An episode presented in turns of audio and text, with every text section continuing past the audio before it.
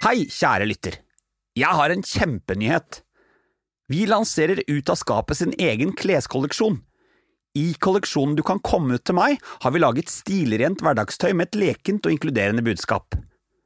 Målet med kolleksjonen er å inspirere og skape dialog, samtidig som du føler deg som en million kroner i høykvalitets hverdagsklær du kan bruke igjen og igjen. Sjekk ut Ut av skapet sin Instagram-konto for hele kolleksjonen med både hoodies, T-skjorter og morsomme munnbind. Og du, alt overskudd av denne kolleksjonen går til å produsere den nye sesongen av Ut av skapet, så handler du, da bidrar du, og det setter vi enormt pris på. Nå starter podkasten, så kos deg. Hilsen fra Sølve og resten av teamet.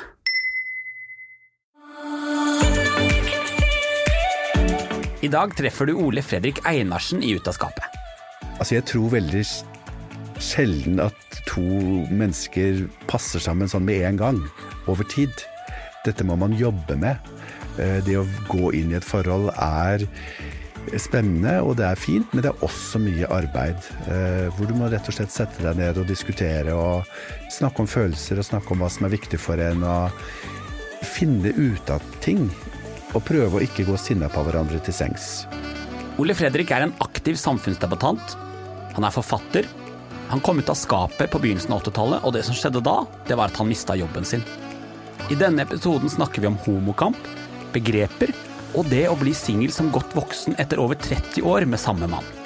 Kos deg med episoden. Ole Fredrik er ti av ti.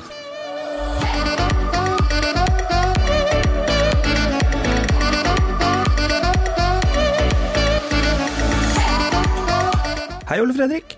Hei. Velkommen i studio. Takk skal du ha. Hvordan er livet som voksen homofil mann om dagen? Det er i grunnen ganske bra. Har, uh, sommeren er her, og jeg koser meg og har det fint. Og nå er jeg til og med kommet fysisk tilbake på jobb, og det syns jeg er deilig. For du har vært ute i en liten permittering, eller? Ikke permittering, men jeg har hatt hjemmekontor siden 12. mars, Aha. som mange andre har hatt. Hvordan har hjemmekontoret opplevdes? Har det gått fint? Det har jo gått. Uh, hvor fint det har gått kan man jo diskutere, men uh, jeg syns det er blitt litt uh, ensomt, litt stille. Man savner det kollegiale? Absolutt. Så, jeg har tenkt mye på det at uh, hvor glad jeg egentlig er i kollegaene mine. Selv om de kan være en uh, liten pain in the ass noen ganger, så savner man de virkelig når de ikke er der hver dag. Ja, dette har vært en øyeåpner for hvor godt kollegiale er. Så nå setter du litt ekstra pris på de du har rundt deg? Yes. Du jobber jo i Likestillings- og diskrimineringsombudet. Fortell meg litt om den jobben. Det er en statlig etat hvor man kan henvende seg hvis man opplever og tror at man har blitt utsatt for diskriminering. Da har vi en veiledningstjeneste som man kan eh, kontakte. Og så får man snakke med en jurist om hva som har skjedd. Og så kan man få gode råd og veiledning i forhold til det. Hva er typiske saker som du kan møte i jobben din? Det kan være alt fra at folk har blitt diskriminert fordi de er gravide, eller fordi de har en funksjonsnedsettelse, eller fordi de er homofile eller lesbiske eller trans. Ah, vi snakket jo litt innledningsvis om hva slags saker du møter, og du sier at det er ikke så ofte du møter saker i jobben din som omhandler homofile og lesbiske og diskriminering lenger, mm. men det hender at du møter transproblematikk. Mm. Er det et reelt problem? Det er et reelt problem. Transpersoner har store problemer, ja. bl.a. på arbeidsmarkedet. Eh, så de eh, henvender seg til oss, og vi har en samtale rundt det. Homofile og lesbiske og bifile henvender seg ikke så mye, men noe er det innimellom. Det er jo eh, Jeg følger en Eh, en gruppe på Facebook for transpersoner, hvor, de, hvor, man hjelper hverandre og gir råd og støtter. Og en sånn gjenganger som jeg møter der, er akkurat det at de sliter med å få jobb, og at de ikke blir møtt på de samme premissene som alle andre. Hvorfor, hva tror du frykten til mange arbeidsgivere er å ansette en transperson? Hva den frykten består ja, i? Ja. Det kan nok være litt forskjellig, men jeg tror det er annerledesheten. Ja. Og det at, uh, at det ja, man er usikker, rett og slett. Men også kanskje at man ikke helt vet å kjenne lovverket. fordi at selv om du er usikker, så kan du ikke oppføre deg som du vil. Nei. Nei, akkurat. Og da kan man få hjelp hos dere? Det kan man absolutt. Har dere, altså er dere et eh, rådgivningsorgan, eller har dere gjennomslagskraft? Vi er et rådgivende organ som har gjennomslagskraft, vil jeg Aha. si. Absolutt. I tillegg så jobber jo vi opp mot FN, og vi gir ut en del rapporter. eh, så vi har, vi har et stort uh, lerret å bleke. Vi har mange forskjellige arbeidsoppgaver. Eh, og jeg jobber mest med lesbisk, homofile, bifile og trans, og etniske minoriteter og nasjonale minoriteter. Er du glad i jobben din? Veldig glad i jobben min. Er det den beste jobben du har hatt? Ja, det tror jeg. Eh, Ved siden av at jeg jobbet i Norsk Folkehjelp, men da jobbet jeg med mye av det samme, nemlig rasisme og diskriminering. Ah, så dette er en sånn gjenganger gjennom hele arbeidslivet ditt, Der, da? Det har det vært. Ja, Det er veldig spennende, og vi skal snakke mer om det. Nå er jo du endelig i podkasten Ut av skapet. Jeg fikk en veldig hyggelig melding av en som kjenner deg veldig godt, som sa eh, ikke for å mase, men jeg har et godt tips til deg, Sølve. Eh, min onkel, stemmer det, er et fantastisk menneske som har mye godt på hjertet. Og I tillegg så har han levd noen år, og jeg syns at du har hatt litt mange unge sjeler i podkasten din. Og det er jeg helt enig i. Eh, nå er det jo sånn at eh, en ung sjel, det er jo da eh, Det kan du jo fortsatt være selv om du er en voksen mann, er det ikke sånn? Jo, sånn kan det være, ja. Sånn kan det være. Du er eh, Du må fortelle meg litt om deg. Du er vokst opp i Oslo. Hvordan var eh, Ole Fredrik som liten guttunge? Altså, han var kanskje først og fremst prestesønn, fordi at ja. faren min var, var prest. Eh, og det å være prestesønn, da får du ofte en sånn egen identitet. Eh, på, vi bodde også på Hønefoss, på, på bygda, så alle visste hvem eh, faren min var, og hvem familien min var, og hvem jeg var. Og det var også en sånn, eh, ja. Min første kjæreste var fra Hønefoss, så jeg vet at der er det, rett litt utenfor Hønefoss, fra Hole. Så jeg kan si at det er kvalitetsmennesker som er derfra. Kan du huske til først, tilbake på første gangen du kjente på litt annerledeshet? Ja, da tror jeg vi må opp i ungdomsskolen, eller slutten av barneskolen, altså sånn i 13-14-15-årsalderen, i begynnelsen av puberteten, eh, hvor jeg var mer interessert i gutter, og skjønte etter hvert at det var ikke, det, det likte ikke de, eller de, det var ikke de. Mine skolekamerater var mer opptatt av jenter. Ja. Eh, og da kjente jeg jo at i hvert fall når jeg snakket med kameratene mine om det, at dette var noe de ikke helt skjønte, og jeg skjønte at det var eh, på en måte at det ble helt gærent å snakke om det, da. I og med at eh, du er såpass voksen som du er, så antar jeg at eh, homofil kjærlighet ikke var et veldig dagsaktuelt samtaleemne på den tiden. I og med at man, det heller ikke ble snakket om, opplevde du at det var litt vanskelig for deg å forstå at det var galt? For du fortalte en historie hvor eh, du hadde blitt spurt, eller du hadde snakket om hva kjæresten din het. Ja, da var jeg, da var jeg liten. Ja. Eh, da var det noen gutter som hang eh, over noen sykler, og så visste de jo at jeg var prestesønn, og så spurte de meg om jeg hadde fått meg en kjæreste. Og da sa jeg ja, jeg var kjæreste med Kjetil. Men da ble det så stille at jeg skjønte at det var helt gærent sagt. Men jeg skjønte jo ikke hva som var gærent. Jeg bare skjønte at her har jeg gjort noe feil. Jeg husker ikke nå hvordan egentlig den episoden løste seg, eller hva som skjedde men etterpå, men eh, det er klart når jeg er født homofil, så vil jo jeg tro at det er greit, helt til noen forteller meg at det er det ikke. Og det forteller du på mange kanaler. Eh, du leser om det, du hører om det på TV, på diskusjoner. Eh, så får du etter hvert en oppfatning av at det er egentlig meg de snakker om. Og det er jo en ganske ille For meg var det ganske ille. Men kan du huske kan du huske noen situasjoner hvor du bare fikk kastet i trynet at det er ikke greit å være homo? Eh, ja, altså at folk sa det ikke til meg, men til, ø, om andre. Han Ja. er homo, eller soper, sa vi ofte da. Ja, soper, ja. Uh, og bruker sånne ord. Men uh, det hørte jeg jo selvfølgelig. Men, så jeg sa jo aldri noe om, om meg selv før jeg sto fram, for jeg tenkte at dette vil jo ikke jeg snakke med noen om. Dette må jeg holde hemmelig hele livet, tenkte jeg. Du har vokst opp, altså du sier jo prestesønn. Uh, jeg antar at det ikke var mye prat om homofili i familien. Det var ikke den vanlige rundt middagsbordet-praten. Nei, det, vi snakket ikke noe om det. Men, og faren min sto på den helt tradisjonelle statskirkeholdningen om at homofili var, eh, var synd. Og det visste jeg jo. Eh, men når jeg sto fram, så snudde han og endret standpunkt Oh ja. over natten. Så en enormt tilpasningsdyktig mann, da. Det kan du trygt si. I møte med virkeligheten så endret han seg. Og det gjør jo veldig mange mennesker, heldigvis. Du flyttet jo til Oslo etter hvert. Eh, bodde du i Oslo som eh, ung homo? Ja. Var du åpen i Oslo før du sto fram offentlig? Nei, bare for noen få venner. Ja. Hvordan var, altså, Hva besto den homofile hverdagen av da? Altså disse tingene man gjør som eh, Altså fester, var det, var det hurrakultur? Hva skjedde? Nei, det var lite hurrakultur. Nei, det skjedde ikke så veldig mye. Jeg var jo aktiv i kirken. Jeg var jo på menighetsmøter og, og gudstjenester og sånn, jeg.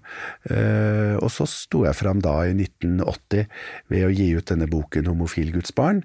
Men fram til da hadde jeg veldig få kontakt med andre homofile. Fortell meg litt om det å stå frem som homofil via å gi ut en bok. Om homofili i kirken. Ja, det ble jo litt dramatisk. Det ble, ble mer dramatisk enn jeg hadde trodd. Eh, Jeg ga ut den boken høsten 1980, eh, og da havnet den på forsiden i flere kristne aviser, Vårt Land blant annet. Og så ringte NRK og lurte på om jeg kunne komme på et sånt kveldsdebattprogram osv. Så, videre. så det var veldig mye radio, TV, media Hva ble debattert? om det var mulig å være kristen og homofil. Hva var konklusjonen da? Min konklusjon var jo at det er mulig, og så var det mange andre som mente at det var vanskelig. Hvordan er det å stå i homokamp når man i utgangspunktet er så alene som det man var i 1980? Eh, veldig vanskelig. Veldig slitsomt. Men vi hadde noe som het Åpen kirkegruppe, som jeg ble medlem av, og det var et veldig godt fellesskap. Og så ble jeg medlem av det som nå heter FRI, og den gang het Det norske forbundet av 1948. Ja.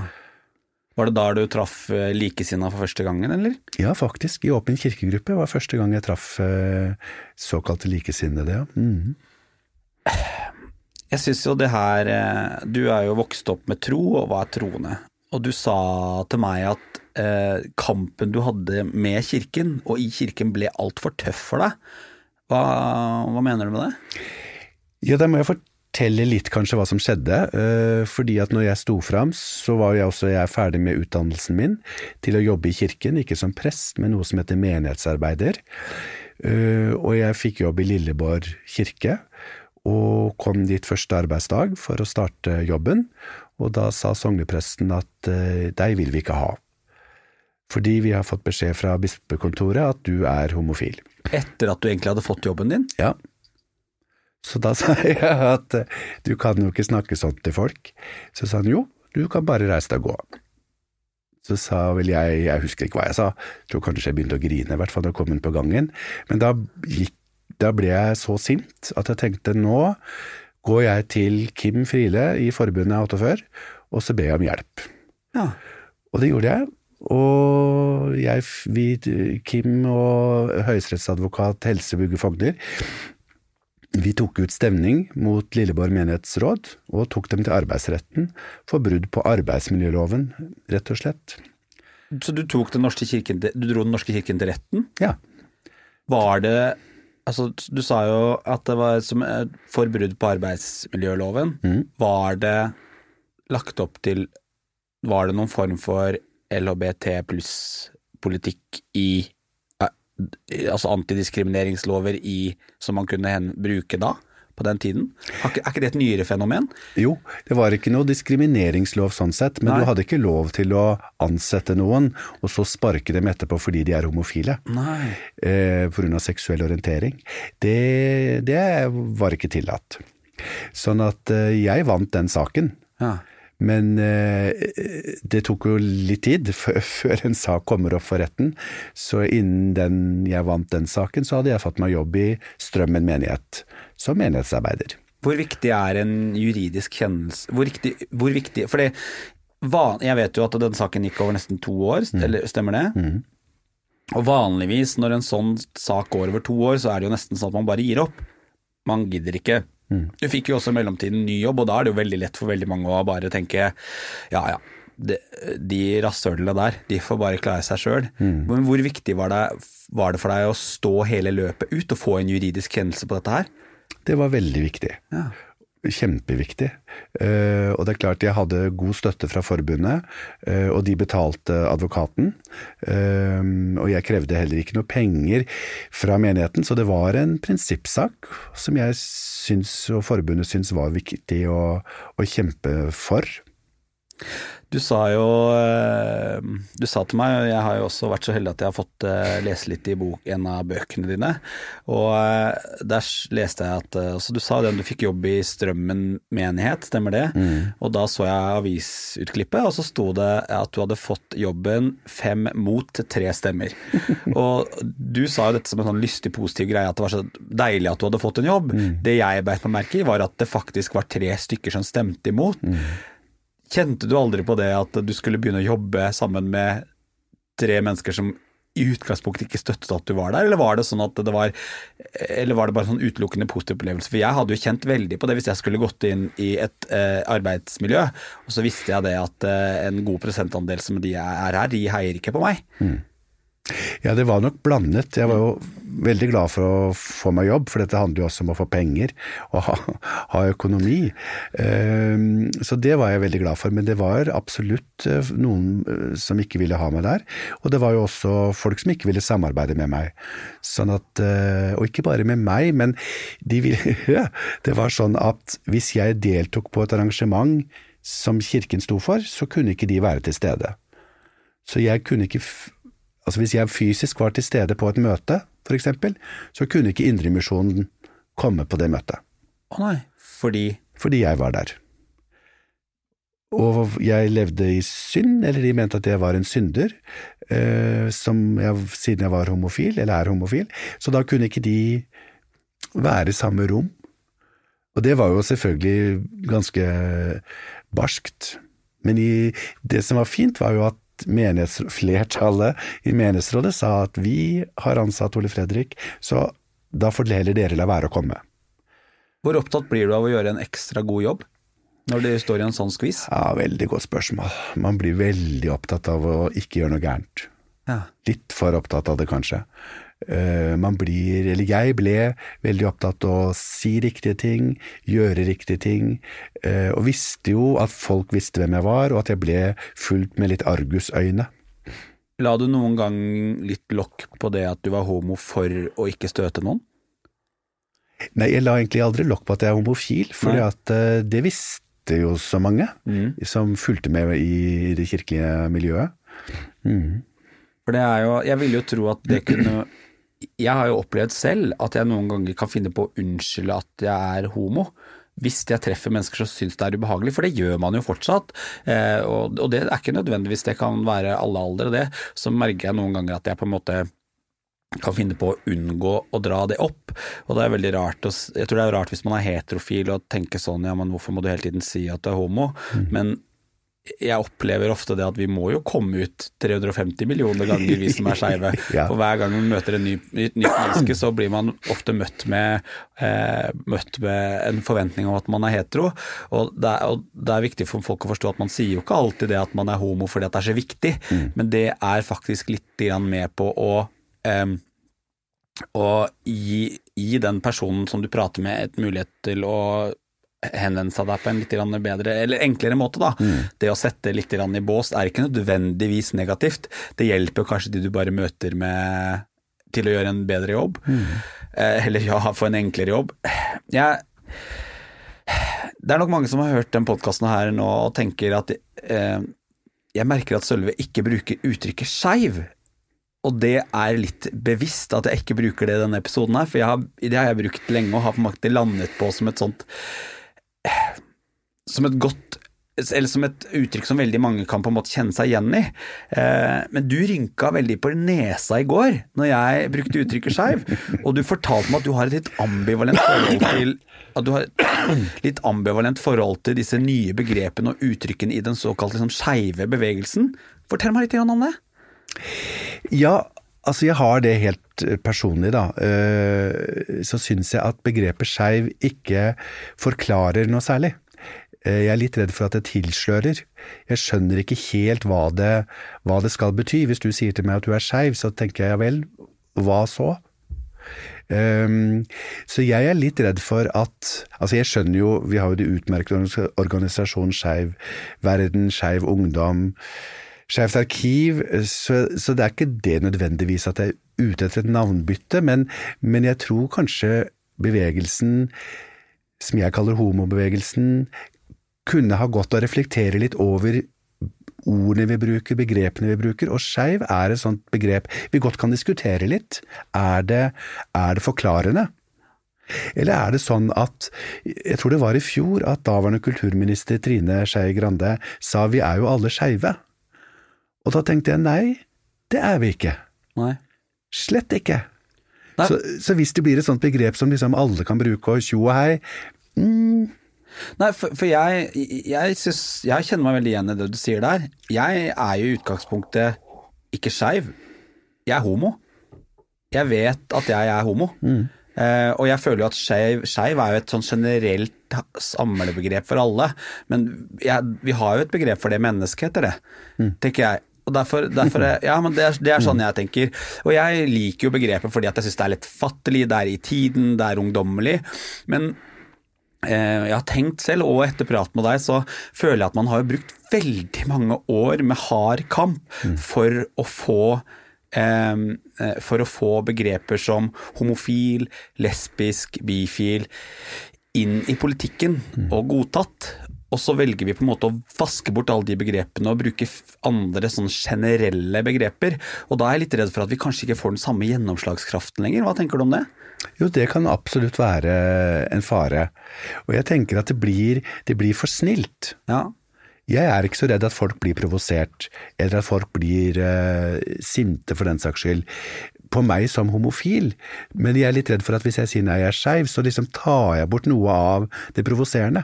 For det som provoserer en del folk, det er jo at jeg forelsker meg i menn. ja. Og hvis, når de hører skeiv, hvis ikke de på en måte assosierer det med skeiv, så blir jo ikke den provokasjonen der, og da er jeg redd det blir mer tilslørende. Tenker du at vi er det viktig at vi løfter denne debatten om begreper i homokampen? Og nå sier jeg bevisst homokampen, fordi jeg vet at det er et uttrykk som passer godt i denne episoden. Ja, jeg mener egentlig at det er ganske viktig, og det kan godt være at folk nå blir veldig sure og sinna, men, men det syns jeg ikke de skal bli. Jeg syns vi må kunne ta en diskusjon om begrepsbruk uh, innenfor alle områder, og også innenfor dette området. Hva tenker du om de som ikke føler at de passer inn i verken homo, lesbisk eller bifile, da? Skal de, hvor skal de få lov til å definere seg, hvis de ønsker? Nei, da må du jo si hva de føler og Altså hvis skeiv da på en måte dekker det, Det, ja. så må du jo bare bruke skeiv for så vidt, men jeg skjønner ikke at skeiv Jeg blir ikke klokere. Nei. Hvis du sier til meg at jeg er ikke homo, jeg er ikke bi, jeg er ikke trans, men jeg er skeiv, Ja. ok, da må vi sette oss ned og snakke litt, da. For det, da skjønner ikke jeg hva du snakker om. Er det viktig å definere seg? Ja, det tror jeg. Jeg tror det er viktig å definere Det er i hvert fall viktig å forstå seg. Om det er det samme som å definere seg, det kan man sikkert diskutere. Men å forstå hvem man er, og skjønne hvem jeg er, eh, og være glad i den en er, det tror jeg er veldig viktig. Jeg har jo Jeg får veldig ulike fortellinger i denne podkasten eh, når det kommer til om det å være homo, lesbisk, bi eller pan eller hva det måtte være, definerer det ikke. Noen er veldig opptatt av å si at det at jeg er homo, det definerer meg ikke overhodet. Jeg personlig vet at det at jeg er homofil er en veldig stor del av hvem jeg har blitt og hvem jeg er. Fordi at den reisen jeg har vært igjennom eh, med disse indre kampene man tar, de det har, det har formet meg helt enormt, og det har tatt meg steder som det ikke ville tatt meg hvis jeg var heterofil. Eh, så for meg så er jeg veldig opptatt av å definere meg, og så har jeg tenkt litt sånn og nå tror jeg det kan Jeg tror det er lett det er noen som kan føle seg litt angrepet nå, men jeg føler at en del unge, ved å ikke tørre å definere seg, tar et lite steg tilbake. At det ikke er godt nok å bare være homo. At det at man ikke tør å definere seg, handler litt om at man faktisk er redd for å gjøre det. At den homokampen man har gjort veldig lenge, at man skal være stolt av å være én ting, at det ikke er godt nok lenger. Hva tenker du om det? Jeg kjenner miljøet for lite til å kunne si om det er sånn, Ja. men jeg syns jo det er veldig trist hvis det er sånn. Ja. At, at folk ikke tør å si at de er homo, hvis det er det de er. Og at, eh, at de at de tenker at de må bruke andre begreper for å pakke ting inn. Um, og hvorvidt det å være homofil definerer deg eller ikke, for meg gjør det det absolutt. Og altså, folk er jo opptatt av hvor de kommer fra, hvor, dialekter de skal snakke, og hva de spiser, og hermen hatt. Så at liksom seksualiteten plutselig ikke skulle være viktig, det kan jeg egentlig ikke skjønne. Men altså, jeg må jo ha respekt for det hvis folk sier det, da. Altså, Nå føler jeg meg litt sånn gammel og bitter, det kjenner jeg litt på. Men jeg hørte akkurat en, en veldig spennende podkastepisode med et uh, ungdomspanel. Uh, med jeg tror det var en seks-syv ungdommer som satt og diskuterte. Det var en veldig god uh, podkast og veldig spennende uh, vinklinger fra fra en side som jeg aldri har vært en del av eller fått lov til å se. Og den startet med at de skulle definere seg, og da var det ingen som ønsket Det var, så vidt jeg kan huske, ingen av de som ønsket å definere seg som verken homo, lesbisk eller bi. Nei. Det var veldig viktig for de å si at vi ikke skal definere oss. Og da kjente jeg for meg at jeg var litt redd for at det er blitt en liten trend i det, og da skal jeg si, det skeive ungdomsmiljøet. At det er kult å ikke definere seg. Og så har man brukt så lang tid på å få gjennomslagskraft for disse begrepene som det faktisk finnes av. Vi må jo huske at det finnes homser, det fins lesber, og det fins bifile, og det fins trans, og alle disse andre.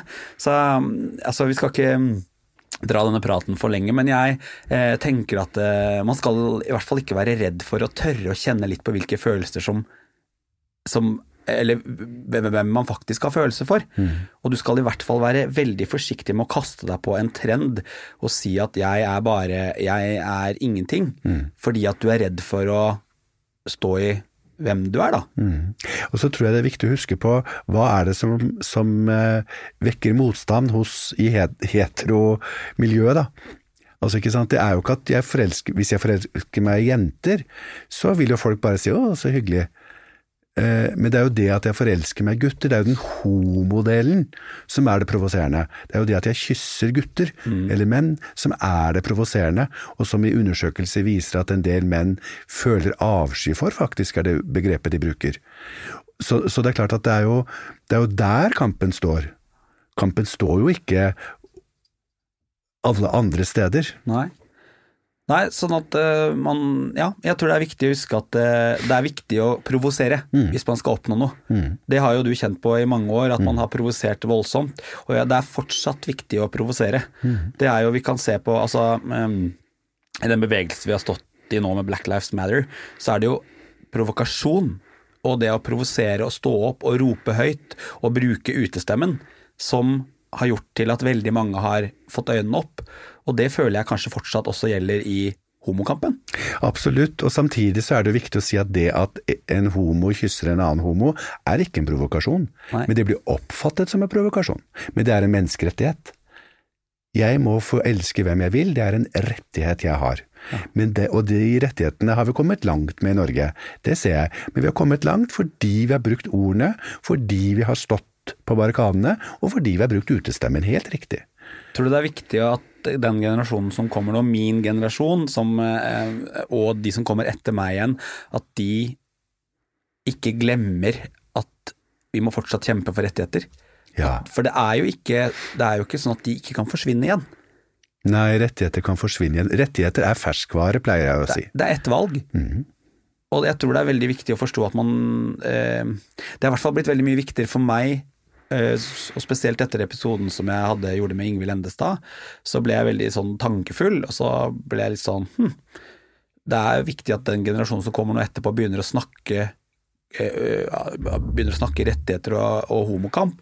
Fordi det er noen som må være den stemmen når den generasjonen som har stått på foran oss, ikke kan gjøre det lenger. Så ja, jeg syns det her er så spennende. Og ja, Det er veldig viktig for meg å si til dere som hører på den podkasten at dette her er bare refleksjoner oss imellom. Og det er ingen fasit, eh, men jeg tror det er viktig at man tør å være litt kritisk innover også, og ikke bare utover. Fordi eh, jeg er redd for at vi jeg, jeg, jeg personlig er redd for at vi skal bli litt for milde. At vi er på i vei i en retning hvor vi tilpasser oss igjen. Og det vet jeg ikke om er så heldig, da. Nei, det tror jeg ikke er heldig. Jeg tror hver generasjon må kjempe fram sine rettigheter og sikre sine rettigheter. I den podkasten her så digger jeg en god prat om kjærlighet. Kjærlighet er fine greier. Du traff din mann i 1984. Hvordan traff du Markus? Han traff jeg i kirken. Er ikke det et fint sted å treffe sin kommende mann? Han var aktiv med i Østerås menighet i Bærum, hvor jeg eh, var aktiv. Så der eh, ble vi etter hvert kjærester. Hvordan skjønte du at han var homofil? Han sa det vel, og jeg var jo åpen, så, så han visste om meg. For jeg ga jo ut boka mi i 1980, så han, eh, dette var etter at boka kom ut og spetakkelet hadde begynt. Der ser man kanskje viktigheten av å være åpen. Ja, Da er, det, ja. lettere å, da er det lettere å finne kjærligheten. Det vil jeg absolutt anbefale. Hva var det, som, hva var det ved Markus som eh, det som gjorde at han var mannen for deg? Vi ble forelsket, og jeg ble veldig fascinert av han. Han var eh, veldig forskjellig fra meg. Han var veldig eventyrlysten, hadde reist veldig mye. Jeg hadde reist veldig lite. Ehm, og så, så blei vi sammen, og flytta sammen ganske fort, egentlig. Var det noen som Altså, da var det jo allerede en del motstand i miljøet mot homofili hvor du jobbet. Var det noen som reagerte på at du valgte å flytte sammen med en mann? Å ja, det, da kunne jeg jo ikke fortsette å jobbe. Å nei. Så da mm, Eller jeg jobbet vel et halvt års tid, men da ble det så vanskelig at, eh, at jeg begynte å studere. Jeg sa opp jobben og begynte å studere, og, og, Mark, og flytta inn til byen, da. Inn til Oslo. Fikk du nok av kirken da? Ja, både og. Altså jeg, kampen min mot kirken fortsatte helt eh, opp på 90-tallet. Men mot slutten av 80-tallet så meldte jeg meg ut av kirken, eh, og etter hvert så mistet jeg troen min. Eh, for det ble rett og slett for voldsomt, det ble for tøft. Eh, Så troen min på Gud døde. Jeg vil si at, at det ble en ulykkelig skilsmisse. Ja. For jeg er fortsatt veldig glad i kirkerommet, salmer, gudstjenester. Så jeg pleier av og til å si at jeg er i min fars hus, det er sånn dobbelt. Men, men troen mistet jeg. Mm. Hvordan er det å miste troen sin? Det er trist. Det er veldig trist, for det er en del av identiteten din som dør. Og det er en del av øh, ja, det du har vært, som, som blir borte.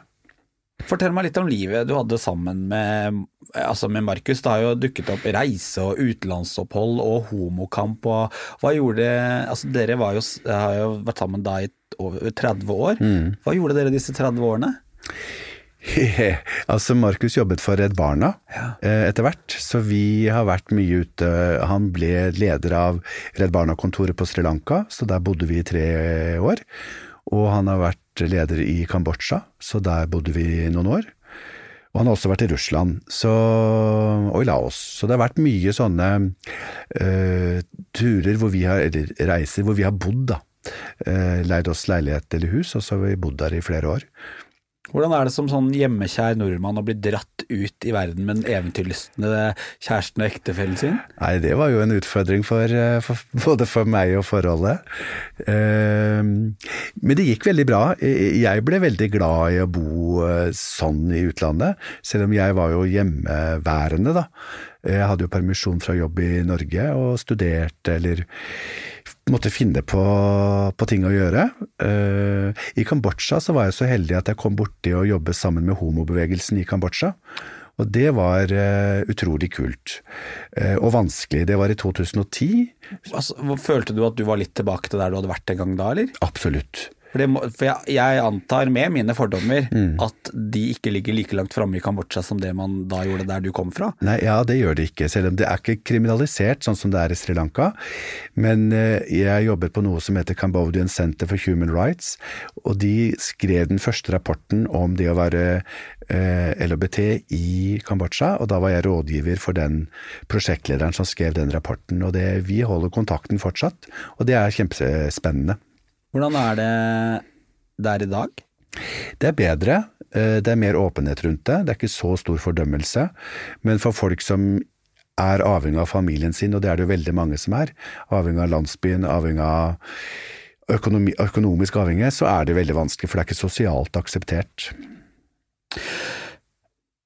Jeg sa til deg når vi snakket i forkant av podkasten at du og Markus må ha vært den perfekte matchen. Eh, og da var du ganske raskt å rette på meg, og så sa du 'vi lagde den perfekte matchen'. Hva legger du i la, hva legger du det å lage en god match? Altså, jeg tror veldig sjelden at to mennesker passer sammen sånn med en gang, over tid. Dette må man jobbe med. Eh, Det å gå inn i et forhold er spennende, og det er fint, men det er også mye arbeid. eh, Hvor du må rett og slett sette deg ned og diskutere og snakke om følelser og snakke om hva som er viktig for en, og finne ut av ting. Og prøve å ikke gå sinna på hverandre til sengs. Husker du hvordan du var når du var nyforelska? Husker du den følelsen? Klarer du å kjenne på den? Ja, Tok du med deg den gjennom alle årene, eller har du hvordan For, for jeg, dette har jeg spurt om tidligere, men jeg får aldri noe godt svar. Problemet mitt er jo akkurat det at jeg, når forelskelsen går over, om hverdagen møter deg, så, så kjeder jeg meg. Da er ikke den personen interessant for meg lenger.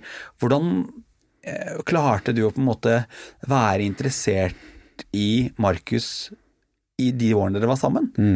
Hva gjorde dere for hverandre? Altså, vi lyttet mye til hverandre og ga hverandre rom. øh, viste hverandre respekt. Øh, men vi hadde veldig mange fine, lange prater og samtaler om ja, hvordan vi hadde det, hvordan, hva er det å være menneske, hva er det Og så sto vi jo begge, i hvert fall i begynnelsen av forholdet, i homokamp.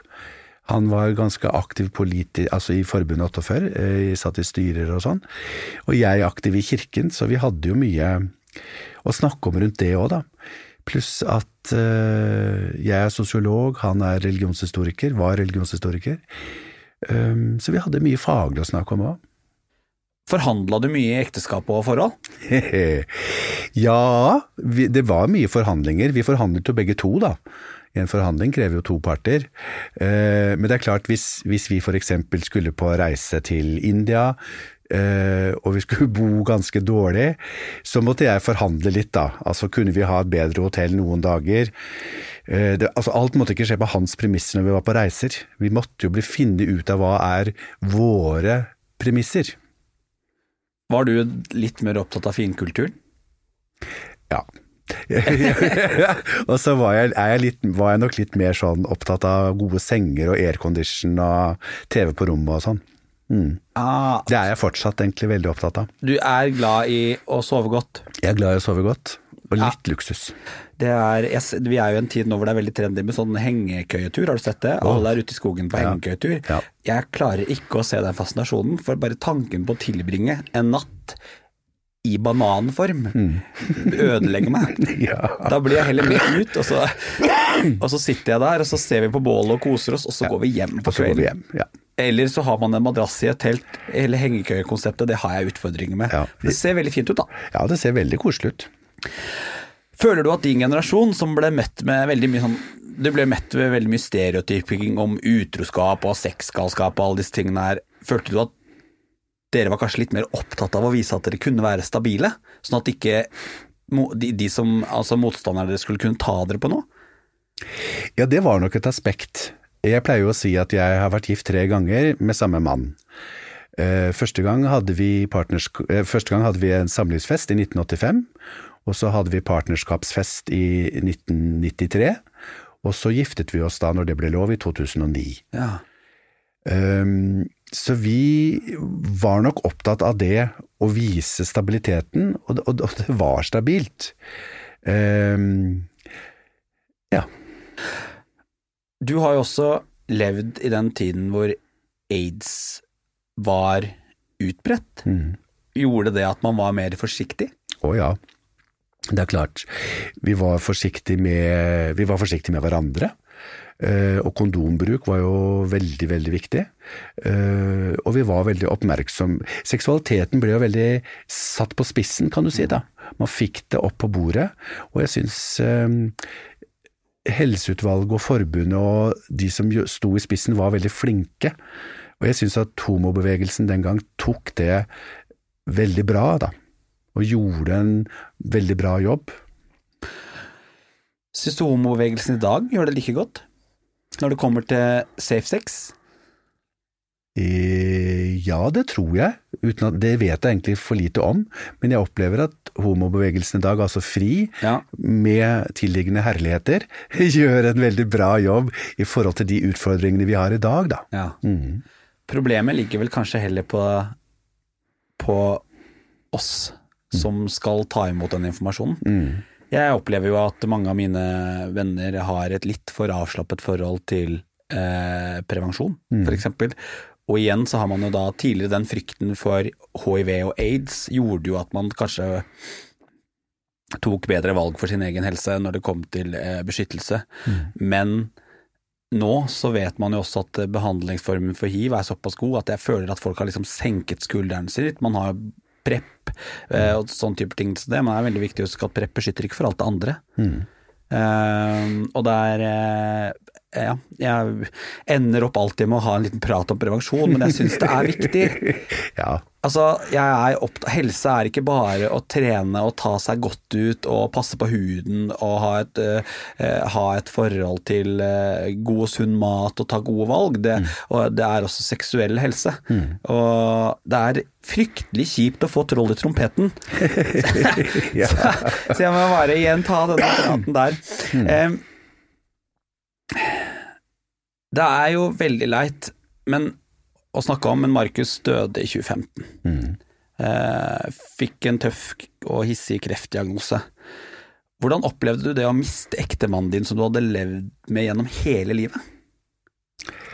Det opplevde jeg helt forferdelig. Og det er helt forferdelig fortsatt. Ja. Eh, Det er jævlig. Eh, Det var jo et sjokk at han ble syk, og at det gikk så fort.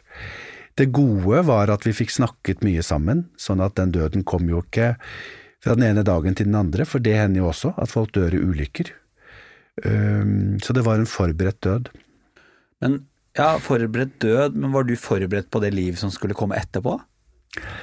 Nei, vi vi snakket om det. Vi snakket om hvordan det skulle bli for han å dø, og hvordan det skulle bli for meg å være etterlatt. Men helt for, men forberedt kan man jo ikke være annet enn at man kan snakke om det, da. Du sa til meg at Markus for alltid vil være din mann. Mm. Han er din ene ene. Eh, men jeg vet også at dere snakket om at det var viktig for han at du fant deg noen. Hvordan opplevde du det å bli singel i voksen alder? Det opplevde jeg ganske vanskelig, den, den delen av det. Eh, å skulle gå ut og sjekke med disse gaysir og datingapper og sånn. Eh, men jeg har prøvd. Eh, men jeg famler meg litt fram, og jeg syns jeg, jeg er fortsatt singel, og jeg vet ikke. Jeg bare tenker, og nå må du arrestere meg hvis jeg er helt ute å kjøre, men du har jo gått glipp av datingutviklingen. Og jeg har jo, dette har vi snakket om tidligere i podkasten og um, i andre episoder, men dating i dag skjer jo via skjerm. Veldig mye. Man lager sånne narrativ, eller man lager seg sånne historier via tekst, bilder av et menneske, og det er jo ekstremt lett å tegne seg et feilaktig, eller enten bare pynte på seg selv, for når du får lov til å presentere deg selv som en jobbsøknad, så er det jo lett, du skriver jo de pene tingene.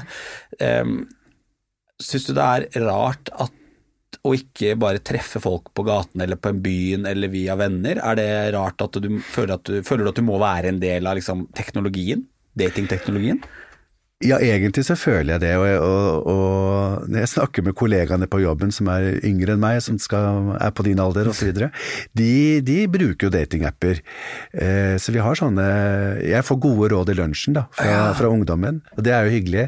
Men ikke sant, jeg, jeg hadde jo ønsket meg en situasjon hvor du traff folk på et politisk møte, i et kor, altså andre steder hvor du kan møtes flere kvelder og bli interessert. Og kanskje det er noe, og kanskje ikke. Altså, la det vokse litt. Jeg syns kanskje disse datingappene og disse date-treffene du har da, så skal liksom alt klaffe på én gang. Og det mangler spenning, Og det mangler Ja, i hvert fall når man treffes. Ja. syns jeg ofte. Da. Det er vanskelig og Det er jo hele den den energien mellom mennesker som man ikke helt kan sette fingeren på hva er for noe, mm. som, men som bare oppstår som er spennende. Og jeg, jeg savner i hvert fall veldig det. Men hva, altså, hva gjør du da for å komme deg ut på det tinglivet? Eller har du gjort litt sånn som jeg kan kanskje se for meg at du tenker uff, dette er Dette er Dette er mye jobb. Jeg tror jeg bare blir hjemme. Jeg tror jeg ser en serie til på Netflix. Ja, ja. Nei, altså ja, du, du har rett. Eh, Jeg syns det er mye jobb, og jeg vet ikke om det er eh, om hvor lenge jeg gidder å holde på. Nei. Men jeg har ikke, jeg har ikke noen sånn eh, prinsippvedtak. Så, så hvis, hvis jeg treffer noen, så er det kjempehyggelig. Men det kan være det ikke blir via Gazer. Tror du det er viktig å aktivt lete etter noen hvis man er interessert i å finne seg en partner, eller tror du det bare kan oppstå ved flaks? Nei, jeg har liten tro på flaks, jeg altså. Generelt. Jeg tror du må jobbe for det. Har du Er du på et sted hvor du kan innfinne deg med at det kanskje bare blir deg? Ja, absolutt. Og det kan jeg egentlig leve godt med. Eh, Singellivet er, eh, det er fint det òg. Absolutt. Enkelte dager? Enkelte dager, og, men det er sånn er et forhold òg, det. Det er fint enkelte dager. Det syns jeg er godt sagt, fordi det er jo viktig å huske det at singellivet er Ja, det er jo akkurat som forhold. Forhold er jo ikke fint hver dag. Nei, jeg skjønner. Det er jo ikke singellivet heller. Tror du vi er skapt for å ha en partner? Mm, vi er skapt for å ha relasjoner, Ja. Og så må jo hver enkelt finne ut hva slags relasjon jeg vil ha. Jeg har jo veldig mange relasjoner til familie, venner, som blir sterkere og treffes oftere eh, når du ikke er i et parforhold. Har du, sto, har du respekt for det at ikke alle har den standard relasjonen med ekteskap og A4-liv? For eh, vi får jo ofte høre det i vårt miljø, at vi er så veldig åpne, og at det er mange fors, forskjellige eh, tilnærminger til hvordan man ønsker å leve i parforhold. Syns du det er rart at vi er sånn, eller har du respekt for det? Det har jeg full respekt for. Og sånn tror jeg det er hos heteroene òg. De snakker kanskje ikke så mye om det, men eh, jeg tror ikke det er så stor Jeg tror ikke det har så veldig mye å gjøre med at vi er homser og lesber eller hetero. Jeg tror dette har å gjøre med mennesket. Jeg tror det har å gjøre med økonomi. Jeg tror det har å gjøre med mm, hvilken kultur du bor i, hvilket århundre vi lever i. Synet på kvinner, synet på seksualitet. Det er veldig mange faktorer som henger sammen her, altså. Sånn at vi kanskje må være hakket mer Eller jeg møter jo Jeg opplever jo ofte, og det hører jeg jo fortsatt, det kan jeg høre ofte, og det må være så deilig å være homo. Jeg kan høre av heterokompisene mine som er sånn ja, det må være så deilig å være homo, for dere kan jo bare ligge rundt. Eh, Ja, men det er sånn, jeg, det hører jeg hele tiden. Og så blir jeg litt sånn ja, det kan vi. Det har du helt rett i, men det er jo et valg vi tar. På lik linje om man ønsker å gjøre, men jeg kjenner like mange som Jeg kjenner flere som er stabile, monogame, har eh, helt vanlige, ordinære forhold. Eh, men det jeg opplever i det, eh, i det nå skal jeg si det skeive miljøet, det er jo det at eh, vi kan snakke litt mer åpent om det og respektere det. Men jeg opplever jo like mye rundtligging og hu- hurrakultur i det heterofile miljøet, men der skjer det alltid bak lukkede dører. Hvorfor tror du det er så mye åpenhet i miljøet vårt? Det tror jeg er fordi at vi har måttet forholde oss til vår egen seksualitet.